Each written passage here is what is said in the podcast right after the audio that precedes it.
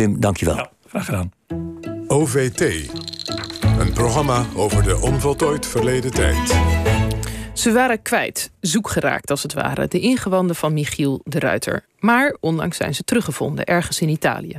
De gast over dit opmerkelijke nieuws is een verre nazaat van de Ruiter, Frits de Ruiter de Wild. En hij is ook voorzitter van de stichting Michiel de Ruiter, die onderzoek uh, naar de ingewanden deed. Welkom, Frits. Goedemorgen. Goedemorgen. Blij dat de ingewanden terecht zijn, ook omdat het uh, familie is? Ja, inderdaad. Uh, en heugelijk verrast door de bron waar die informatie vandaan komt. Ja, ja, daar gaan we het dadelijk over hebben. Kun je, kun je even iets vertellen over uh, hoe die ingewanden destijds eindelijk zijn verdwenen? Van Michiel. Waar, waar nou, zij, hoe, hoe is hij ze kwijtgeraakt? Ja, hij moest ze kwijt, uh, omdat hij overleden was en zijn lichaam gebalsemd moest worden. En daarbij worden de ingewanden altijd verwijderd. Um, echter deed zich een klein dilemma voor dat het begraven van deze protestantse ingewanden... want hij was een devoot protestant... Uh, op een katholiek eiland uh, als Sicilië... dat dat op enige weerstand stuitte.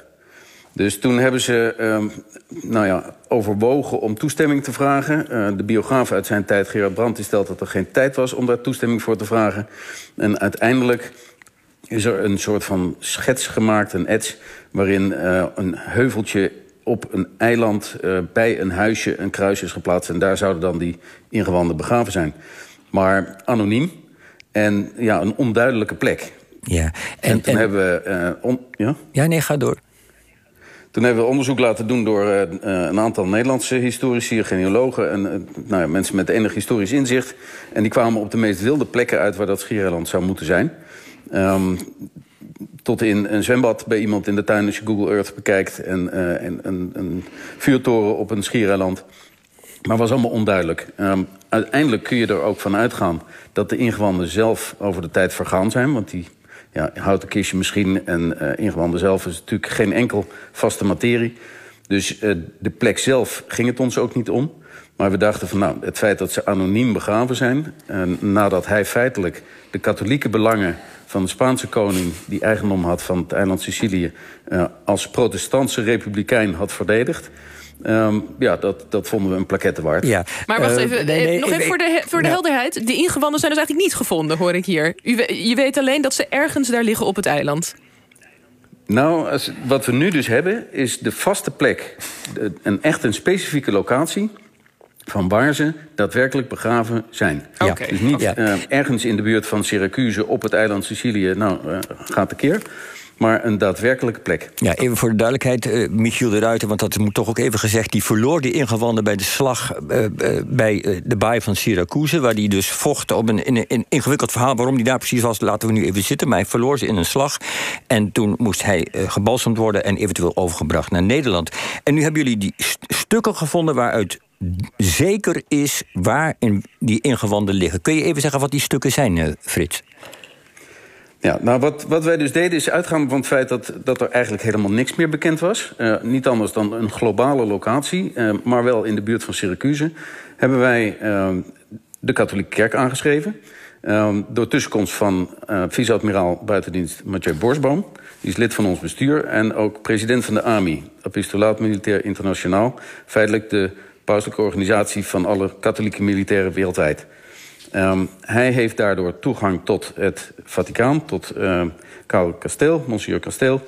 die uh, een van de secretarissen van de paus is... heeft daar voorgelegd dat, uh, wat de situatie is. We weten niet waar ze liggen, we weten dat ze er moeten hebben gelegen... het is anoniem begraven, et cetera. kunnen we daar wat mee doen?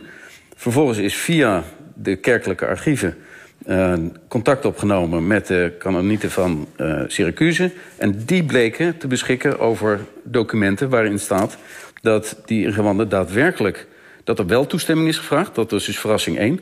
en dat die uh, toestemming toen gegeven is om ze niet te begraven nabij een kerk... maar bij het Casa de Senatori, het huis van de senatoren. En dat is feitelijk een soort stadspaleis, een, een, het gemeentehuis. Ja, de, de brief dat jullie... huis bestaat nog... Ja, de brief die jullie gevonden hebben bewijst dat uh, die ingewanden destijds dat er gevraagd is, mogen we ze op die plek begraven. Wat, wat gaan jullie, ja. je, je, zei net al, we gaan een plaquette daar plaatsen. Wat, wat komt er op die plaquette te staan? Nou, die plaquette wilden we ja, oorspronkelijk plaatsen dan op de plek waar eventueel bekend zou zijn dat die uh, ingewanden begraven zouden zijn. Dat is nu een privé bewoond huis. Maar de, de kerk heeft voorgesteld om het huidige stadspaleis, feitelijk dus de, de opvolger van het toenmalige stadspaleis, te gebruiken als locatie. Dat staat naast de Duomo van Syracuse, het grootste katholieke kerkgebouw daar. Uh, is ook openbaar toegankelijk. En daar kunnen we een tekst op zetten die verwijst naar het feit dat hij daar geweest is... daar in de slag met de Spanjaarden het eiland Syracuse heeft, nou, et cetera... en zijn leven daarbij verloren heeft. Die tekst en de wijze waarop dat um, vastgelegd moet worden... daarover hebben we nu briefwisseling met de burgemeester van Syracuse. Ja, en dat, maar dat klinkt als een vrij sobere tekst. Het wordt, het wordt een informatief tekstje... of wordt het ook misschien nog ergens een beetje een eerbetoon? Nee, natuurlijk is het een eerbetoon wat uh, diep in zal gaan... of tenminste mogelijkwijs in zal gaan op het feit dat hij als protestant... daar de katholieke belangen behartigde. Uh, feitelijk als republikein ook voor een koninkrijk. Het zijn allerlei tegenstellingen die uh, in, het, in het heden ook nog wel... een bepaalde nou ja, rol spelen. Men herkent dat soort polarisatie wel. En hij, zijn, zijn persoonlijkheid toont ook dat hij dit soort, ja, dit soort weerstanden wist te overbruggen... Um, dus daar zal het aan refereren, daar zal het uh, herdenken. Maar ja, het gaat wel over een overlijden en het gaat over ingewanden. Dus het zal niet een, een, een uh, juichende tekst worden. Het is meer een herdenking. Ja, Frits de Ruiter, mogen je bedanken. Uh, inclusief dus en ecumenisch. Het, uh, alles is Michiel de Ruiter. En de twaalfde generatie van de familie van Michiel de Ruiter, Frits de Ruiter. Dank je wel voor, voor deze woorden.